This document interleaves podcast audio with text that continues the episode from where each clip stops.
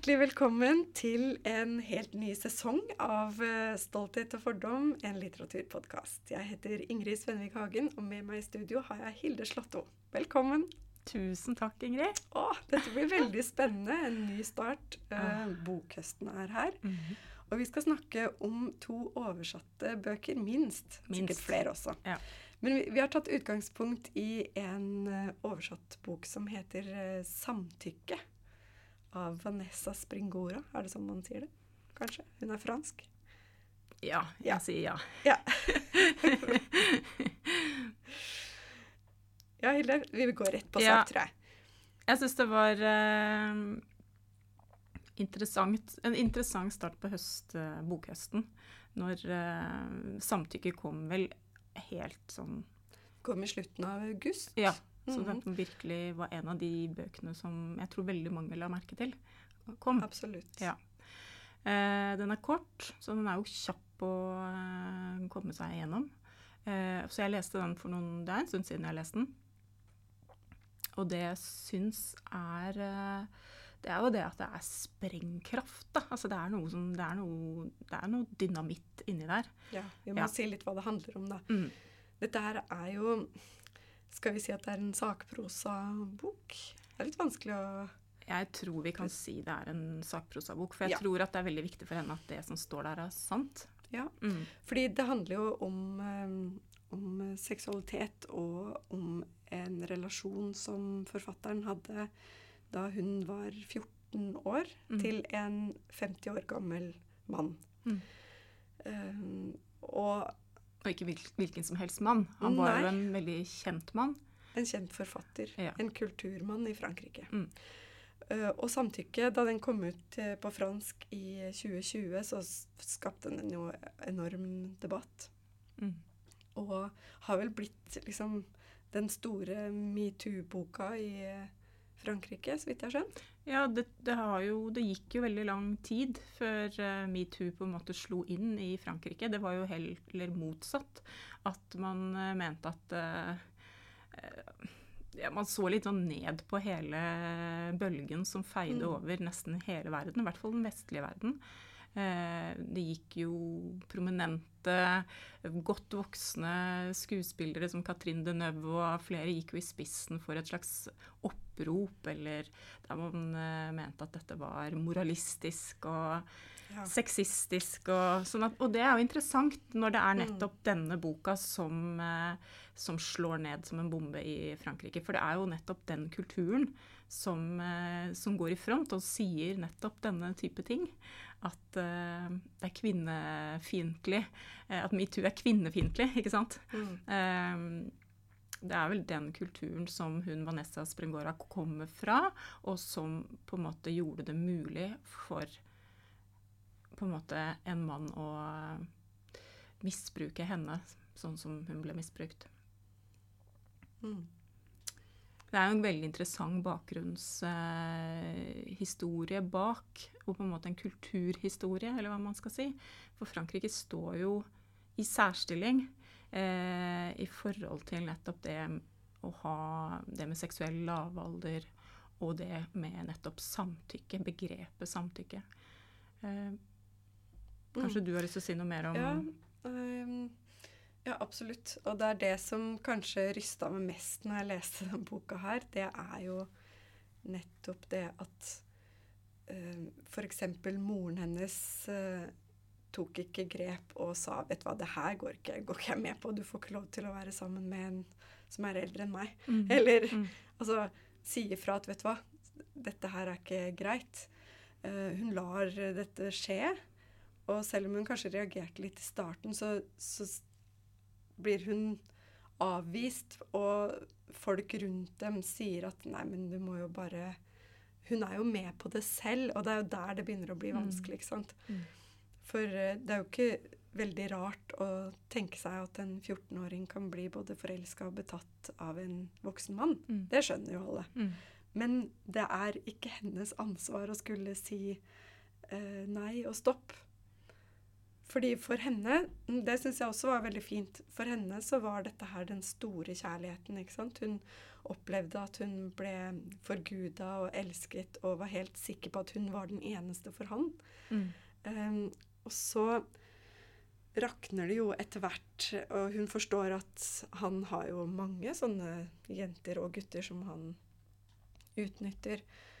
Uh, og det viser seg at hun bare er en del av hans uh, pedofile vaner, for å si det sånn. ja.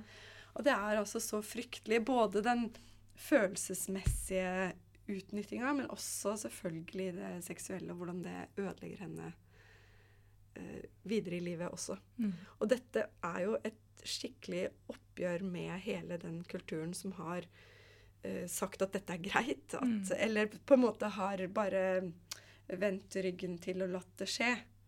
Og ikke har stått opp for eh, barna, for det er jo rett og slett barn det Mm, dreier det er barn.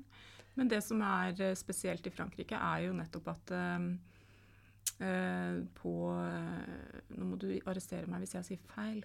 Om det er på 80-tallet. Eh, man skriver en, eh, altså et brev. Det forfattes et, eh, et leserinnlegg som eh, en stor gruppe eh, franske intellektuelle som jeg ser opp til. Ja, det var Eh, vondt. det er vondt. Eh, Roland Barth. Eh, Simone de Beauvoir. Simone de Beauvoir. Åh, Uff, herregud, er det mulig? altså, de skrev under på et opprop hvor de tok til orde for å avkriminalisere seksuelle forhold mellom mindreårige barn og voksne. Og da har du jo virkelig bare lagt opp til at pedofile skal få jo, fritt spillerom, da. ja, men det er jo det. Det er jo forfattet av en pedofil. Ja, det er For jo det det. er og det jo er det denne som mannen rart, som har forfattet det. At han har klart å få de med på dette her, det syns Mm. jeg er helt forferdelig. Og det er jo på en måte tanken om fri seksualitet i sin ytterste konsekvens, da. At ja, men hvis barna vil dette, så er det fint at de eh, prøver ut seksualiteten med en erfaren eldre mann, f.eks. Og så trekker de inn paralleller til antikken, og det var så fint og flott. Eh, nei. Um, men han Ja, det gjør vondt. Ja, Uff, Mannen i denne boka eh, kaller hun bare for G, og hun kaller seg selv for V. Men eh, det er Gabriel Matzef. Mm. Og han er en ganske kjent forfatter. Kanskje en litt sånn Han er vel kanskje mer sånn lokal, sånn- altså fransk forfatter. Ja. Han er jo ikke en som jeg tror Men han var en anerkjent forfatter da de ble sammen. Altså, han Ja, ja, hadde han et navn, hatt- at han var liksom en som folk både så opp til og, og leste. Mm. Og det også er jo virkelig ille her, fordi han gjør jo henne til en karakter i sine bøker. Mm.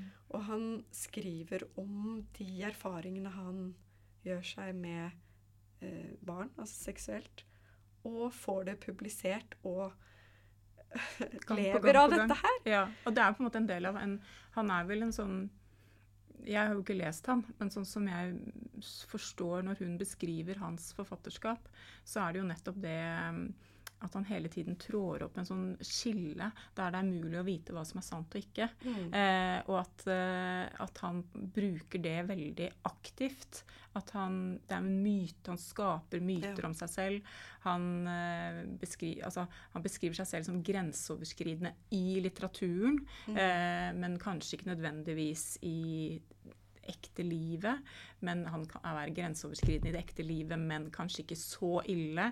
Også, Ja. altså, han hele tiden driver og lefler med det her eh, det som på en måte Han tøyer det som er innafor og Mm. Ja. Fordi det er jo ikke sånn at selv om franske intellektuelle har et opprop, så betyr jo ikke det at hele det franske samfunnet mener at dette er greit. Men det er jo eh, veldig tydelig at det er en kultur innenfor eh, det intellektuelle segmentet og høykulturen i Ja. Frankrike som på en måte er med på denne tankegangen, som setter på en måte åpner døra på vidt gap for uh, beistene, på en måte. Ja. Uh, og som gjør at de ser på verden med et blikk som ikke ser barna, og ikke ser ofrene. Ja, og konsekvensen av det de påfører disse barna. Ja, ja. Jeg tenker liksom hvordan det må være å både å bli en del av en sånn eh, manns litteratur, Mm. eh, og så leve med det. Altså hun har jo ikke fått fått fortelle sin historie før nå. Mm. Og det er jo på en måte det som blir hennes hevn. Mm. Hun skriver sin historie sånn som hun har opplevd det, og forsøker å fange han på papiret. Mm. Og gjøre han til det beistet han jo har vært mot Mm. henne. Mm. Det som er interessant, syns jeg, når jeg begynner å lese den boka, er hvor tydelig hun er på hva dette koster. Eh, Hva det koster i forhold til eh, hvor ødeleggende det er på så utrolig mange plan. Eh, og så kan man jo på en måte se på henne nå og tenke at hun er en veldig vellykka kvinne. Hun er eh, eh, redaktør i eh, et veldig velrenommert eh, forlag. Eh, hun har familie, hun har barn. Hun er vakker. Eh, hun ser ut som en helt sånn klassisk parisisk kvinne. Ja, absolutt. Eh, og det hun på en måte beskriver av det der med hvordan virkeligheten og alt inni henne hele tiden har blitt forskjøvet, på en måte. At hun aldri er i takt. At hun alltid Mm. kjenner seg som en uh, kameleon som alltid må liksom skifte ham. Fordi det å være Stå fast et sted, da, og være den hun er, er vel ensbetydende med noe veldig farlig. Eh, noe som på en måte gjør at hun på en måte sklir utfor en slags skrent. Eh, jeg syns kanskje det var en av de tingene jeg syns var veldig interessant. Fordi jeg syns veldig ofte når man, det er snakk om ofre og overgripere, og så får du ikke helt tak på hva koster det.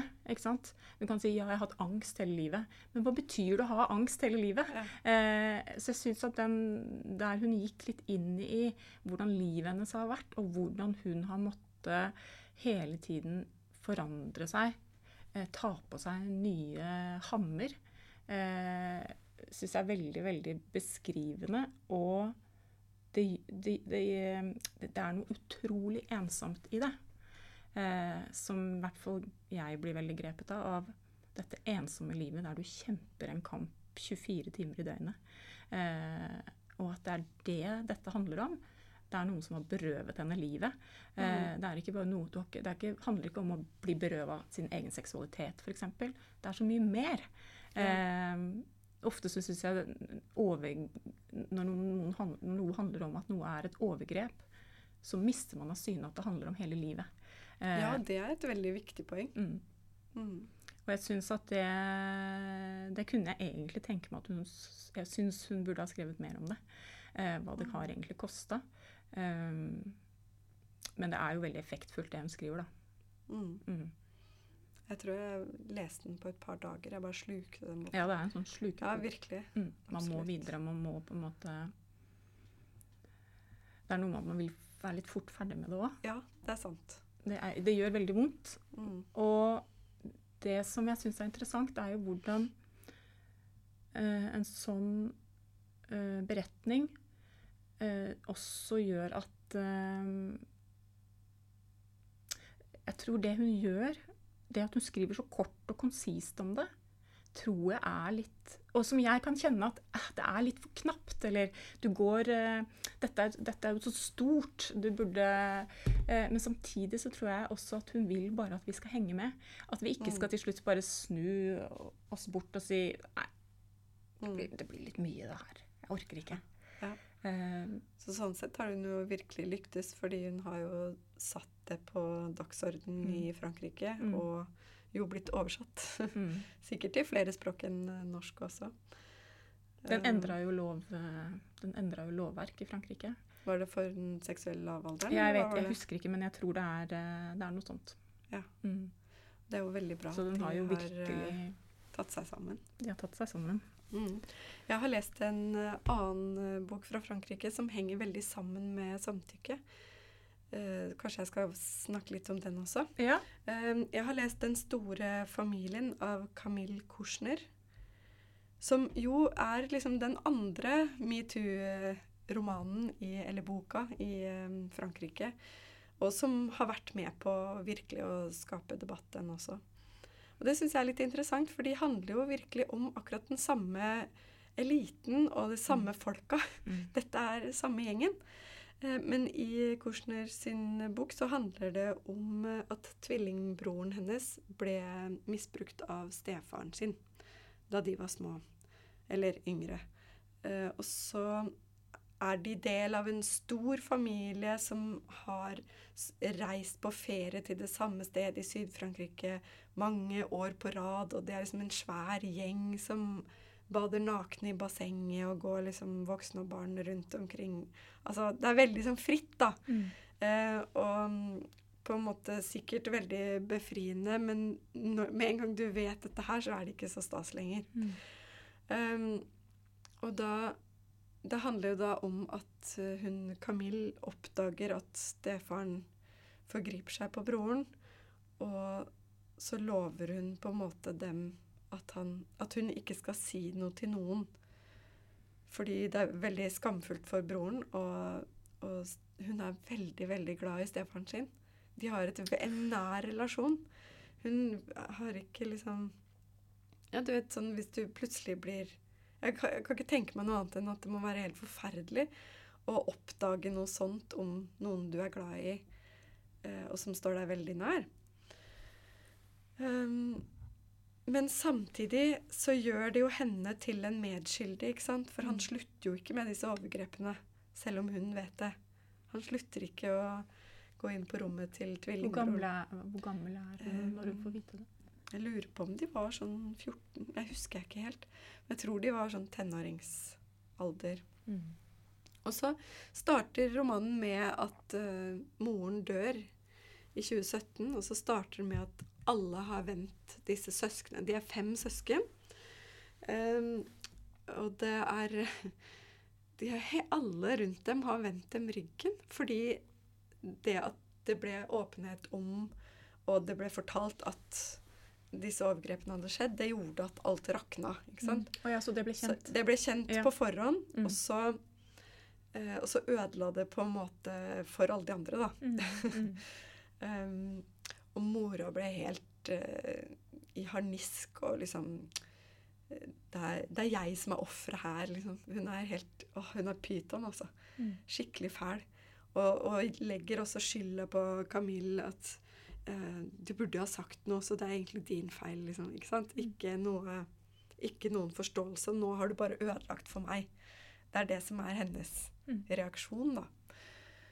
Men det som gjør at de faktisk sier ifra til slutt, det er jo at uh, de får egne barn. Og de reiser på sommerferie. Og de kjenner at dette her kan vi ikke gjøre mot våre egne barn. Vi kan Nei, ikke utsette ikke. dem for dette her.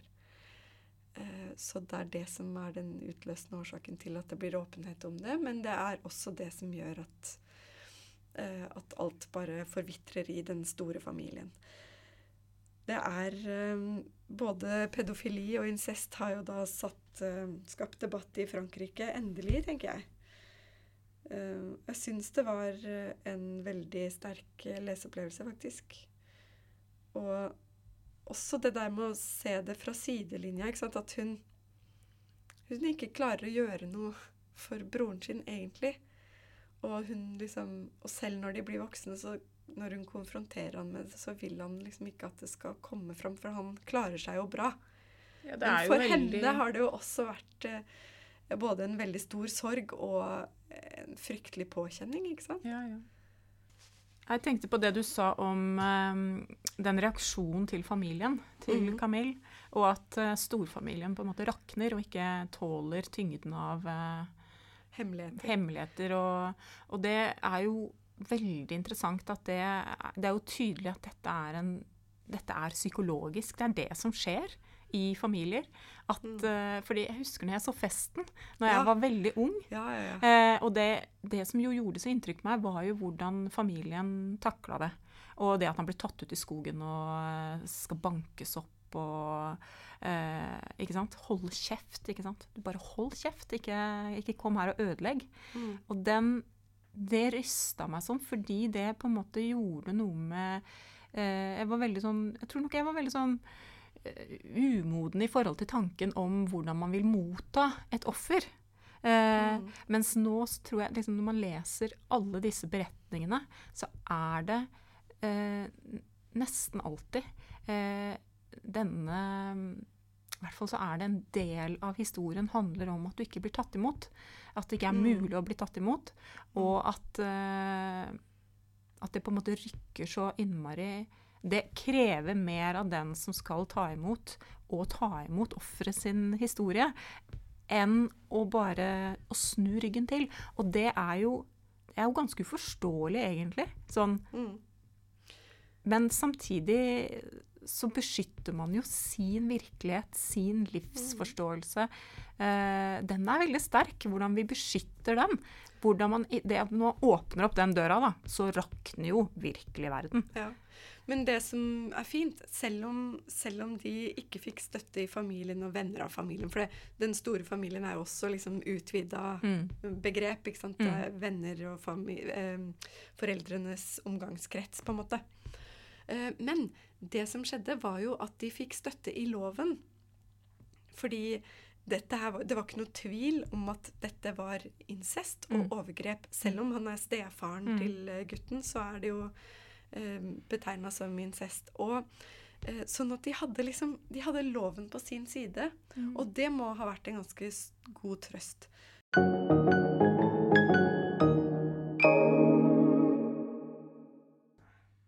Det er jo veldig interessant at, at eh, i Camille Kursners liv så var lovverket så viktig.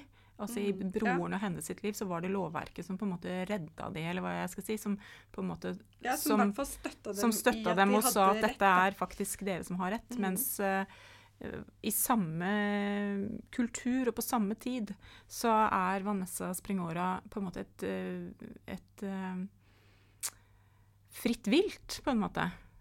I uh, Også når det gjelder den Når det gjelder det lovlige, da. Mm. Og at en eh, advokat skriver litterært, og en som på en måte ikke har kjenner til Som ikke har blitt beskytta av lovene, på en måte må tale sant. ikke sant? At eh, hun, som er, hun som er redaktør, og som jobber med litteratur og skjønnlitteratur, hun vil skrive sak. Ja, det er veldig Og advokaten vil skrive litterært. Ja. Godt observert til det. Jeg syns jo det er interessant med Springora som starter boka si med å nettopp ville eh, sette opp denne fellen for, eh, for denne mannen som har ødelagt livet hennes. Og på en måte få han inn i teksten, og fange han i teksten sin, sånn som hun føler at han har fanga henne. Det er vel også en av grunnene til at hun ikke vil skrive skjønnlitterært, er vel nettopp at hun vil på en måte ikke bare skape en eh, en karakter av denne mannen. Nei. Han er et ekte menneske. Eh, sånn som han på en måte har skalta og valta med hennes liv og lagd eh, en karakter ut av henne som ikke hun kan komme ut av. Altså Hun er på en Mm. måte fanga i det bildet han skaper av henne.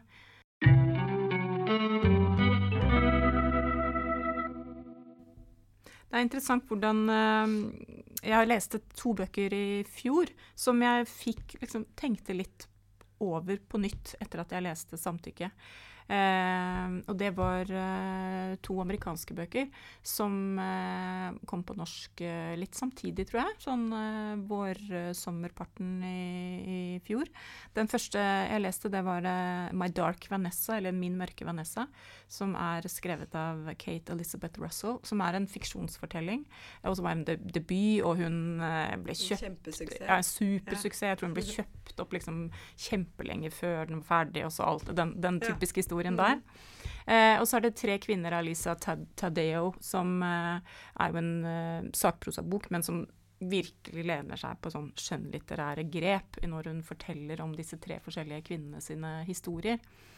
Begge de to bøkene leste jeg kjempe, veldig kort eh, tid imellom, så jeg følte jo at jeg på en måte leste to veldig, den samme historien to ganger.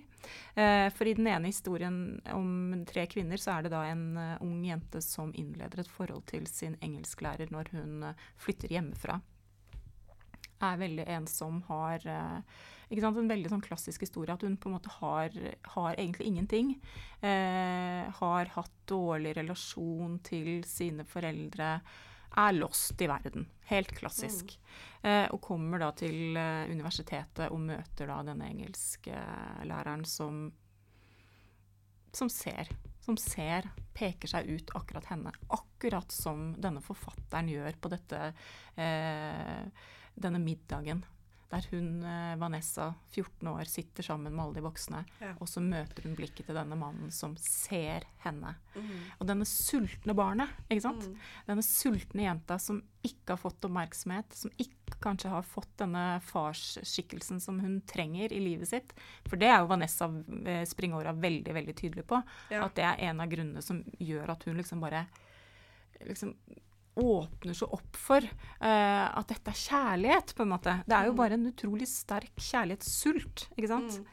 Uh, og den samme historien fortelles da i uh, Tre kvinner, som jo er en reell historie, da, eh, om en ung jente som reiser fra sine foreldre og begynner på universitetet, møter en engelsklærer, og som eh, innleder et forhold som varer i årevis. Og til slutt blir kasta vekk som dritt. Og det er det samme som skjer Sånn, han hadde en familie Eller var han uh, alene? Det husker jeg ikke helt. Jeg husker det liksom Han- som at han allerede var etablert. Han var en bare- etablert eh, mann med små Ja, barn, ja. og eh, hadde på en måte et veldig sånn respektabelt liv. Mm. Uh, og hun på en måte mister, mister seg selv i det å bli avvist. Og det er jo også, samtykke handler jo også om det. At uh, det er jo ikke sånn at hun våkner opp en dag og tenker Hva er det jeg driver med? Hva er det jeg gjør med livet mitt? Hun blir jo mer og mer fasa ut Mm. av denne mannen.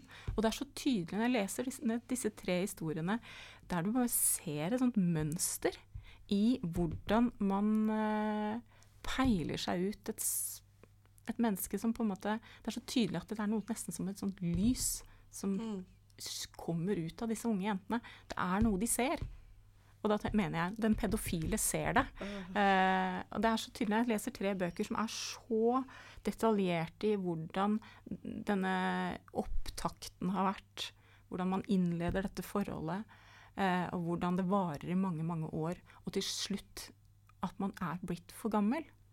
Det er jo det det Mm. handler om. Ja. Eh, og det rista meg litt når jeg da på nytt leste Vanessa Springora. Det er jo nettopp at du bare ser Det er jo det alle disse tre historiene er veldig like på, er at de kvinnene går inn i det og tenker at dette er kjærlighet. OK, jeg er ung, han er gammel. Men det er Jeg kjærlighet. Det, Det er denne for jeg er den eneste for han. Det er den eneste for han, og han er den eneste for meg. Og det, eh, og den, det å se det der mønsteret, det er både skummelt, men samtidig også veldig oppklarende. Um, fordi det gjør at det, det handler ikke om kjærlighet. Det handler ikke om tiltrekning. Det handler om maktovergrep. Uh, det handler om noe som er litt sånn compulsive. Ikke sant? Det er noe som bare skjer igjen og igjen og igjen og igjen. Uh, det handler om pedofili. Det er, det, det er veldig Og det er på en måte noe som har vært sånn med mye mystikk, eller noe som man ikke forstår. Jeg kan ikke forstå det, sier folk. Nei, jeg kan ikke forstå Mm. det. Eh, men når man, leser, når man leser tre sånne bøker, så kan man plutselig si her er det noe jeg, jeg ser. Jeg ser det, og jeg kan forstå at, måte at dette er eh, eh, på en måte Litteraturen får en funksjon, på en måte. Da. Det er opplysende, på en måte. Mm. Ja. Eh, det som også er veldig Som jeg også syns er både ekkelt og interessant, er hvordan da denne forfatteren bruker litteratur eh, i samtykke, og hvordan disse engelskprofessorene gjør det Mm. samme. De er alle, og dette også tenker jeg er en del av mønsteret, de bare forholder seg til ting som Altså til litteratur som bekrefter deres verdensbilde. Eh, og ramser opp eh, Vanessa ramser opp alle disse eh, Lolita Ja, selvfølgelig. Lolita er jo på en måte Bibelen. Ja, Alice i Wonderland og alle, alle mulige offentlige personer som har levd liv med utrolig unge jenter, da. Jeg tenker at det er også noe med Jeg, sånn, jeg blir jo litt sånn at det er litteraturens kraft, da. Eh, vi kan ikke se en film som varer i en og en halv time, og så går jeg ut, og så er jeg liksom ferdig med det. Man mange, når man leser så kan man på en måte Man bruker tid på det. Man tenker. Eh, man tar det inn. Man blir liksom matt av eh, problematikken. Men jeg tenker at det er kjempeviktige bøker. Og at det er, eh, det, er noe, det ligger noe veldig kraftfullt i det å kunne endre noe, da. Du Ja. skriver din historie, og så endrer du noe. Det er fantastisk. Ja. Det står det respekt av. OK, Hilde. Nå har vi jo lest eh, oversatte bøker, men bokhøsten i Norge er jo i gang. Er det noe Hva leser du nå, forresten? Ja, vet du, og da er svaret mitt Det er, litt, det er oversatt, og det er ikke, det er ikke bokhøsten. OK, vi tar den en gang til. Nei, men det er morsomt, det. Jeg syns det er morsomt.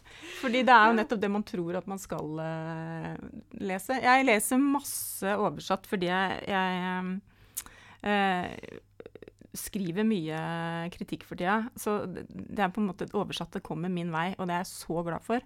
Men i går så begynte jeg å høre på en lydbok. Oh. Og dette er et sånn sort hull i min uh, dannelse Oi. som jeg aldri har lest, og som jeg alltid har kjent kjent Kan jeg på. gjette? Kan jeg gjette? Er det en mann eller en dame? Det er en mann. Er det um, um, før 1800-tallet? Nei, det er moderne. En moderne um, Amerika? America. Hemingway? Nei. Mm.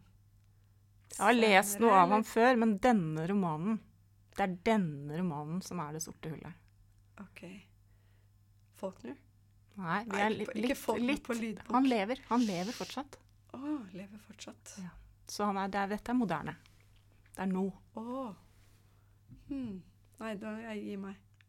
Skal du gi deg? Eh, ikke ennå. Um, amerikansk nålevende forfatter som du ikke Eller som du ikke har lest akkurat denne boka av. Ja. Og som er litt sånn Hæ? Har du ikke lest den boka? Oi, spennende. Å, herregud, nå ble jeg veldig nysgjerrig. Skal jeg si det? Ja. Skal jeg si det? Ja. The Corrections. Å, herregud! Jeg har ikke lest den boka! Jonathan Franzen. Jonathan Franzen. Ja. Den boka har jeg aldri lest. Jeg har en pocketutgave av den med et forferdelig herlig cover. Med bilde av en familie som sitter og spiser middag. Ja, det er det coveret som er på lydboka. Ja, ok. Ja. Ja. Shit, så den Ah, begynte jeg på i går. Ja, Sittet og hørt på trikken om Alfred og Enid som eh, kjekler på. Så jeg har mye i vente. Jeg gleder meg veldig til å gi meg i kast med den norske, den norske bokhøsten, for det er mye jeg gleder meg til i år, faktisk. Um, men liksom litt sånn under valgkampen her, hvor det har vært litt sånn eh, innspurt og sånn, så har jeg trengt eh, noe litt lettlest og hyggelig å eh, fordype meg i. Og da har jeg lest en engelsk tegneserie Mm. som heter Heartstopper. Og her snakker vi virkelig verdens søteste kjærlighetshistorie.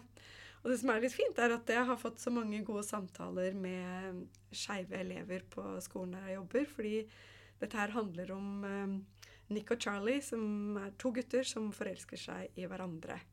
Og Charlie har vært åpent homofil en stund, men Nick vet ikke helt hvem han er ennå. Og så i den første boka så finner de hverandre og finner ut at de vil være sammen. Og så er de et kjærestepar i de neste bindene. Mm. Og så må jeg fortelle deg verdens søteste historie. I dag så har jeg prata med noen av elevene om disse bøkene, og vi har diskutert at vi syns det er så fint at det er en veldig sånn realistisk skildring av homofil kjærlighet. Og generelt forelskelse. Altså de er så søte og usikre og At ikke alt bare er grusomt Nei, er og sånn problematisk og selvmord, liksom. Nei, på ingen måte. Og de har, de har utfordringer, disse her òg, men det er, noe, det er ikke noe mer enn vanlig, på en måte. Altså, de er usikre på om, om eh, kjærligheten blir gjengjeldt. Og, og så har de så mange søte venner, og det er det jeg syns er det aller fineste her. For de er liksom en gjeng. Og det er jo veldig realistisk. Mm. Fordi mange har jo masse fine folk rundt seg også. Det er jo ikke bare sånn homofob rundt omkring. Det er det jeg syns kan bli litt overveldende i en del sånne skeive bøker. At det blir så veldig meg mot resten. Ja, ja. Uh, og her er det liksom veldig sånn realistisk skildring, da. Men det som skjedde i dag, var at uh, jeg har kjøpt inn bok 1 til 3 i biblioteket mitt, og så venter jeg på fireren. Jeg har ikke fått eh, bestilt den ennå. Og så kjenner jeg at å, jeg leste jo de tre første bøkene på tre dager eller noe sånt. Én hver kveld. Så i dag så kommer da en elev bort til meg og bare 'Ingrid, jeg vet at uh, du ikke har fått fireren ennå, men hvis du vil, så kan du få låne mitt eksemplar. så når skolebibliotekaren får låne bøker av elevene sine, da er det kjærlighet, altså. Da banker hjertet. Ja, ja, ja. Å, nei, det er, det er vakkert. Så når, når, jeg er ferdig med den uh, fjerde boka her nå, det blir jo i kveld, tenker jeg, ja. så, så, skal jeg gi meg i kast med den norske bokhøsten. Så da får vi antageligvis veldig mye mer å snakke om i neste episode også. Mm -hmm. Tusen takk for at dere hørte på. Vi har snakket om Skal vi si det, kanskje? En gang til? Ja. Det kan være fint. Det kan være fint. Vi har snakket om 'Samtykke' av Vanessa Springora. 'Den store familien' av Camille Kushner. Og så nevnte jeg Kate Elizabeth Russell sin roman 'Min mørke Vanessa', og Lisa Taddeo sin eh, sakprosabok 'Tre kvinner'. Tusen takk for at dere hørte på Stolthet og fordom. Vi høres neste gang. Ha det! Ha det bra!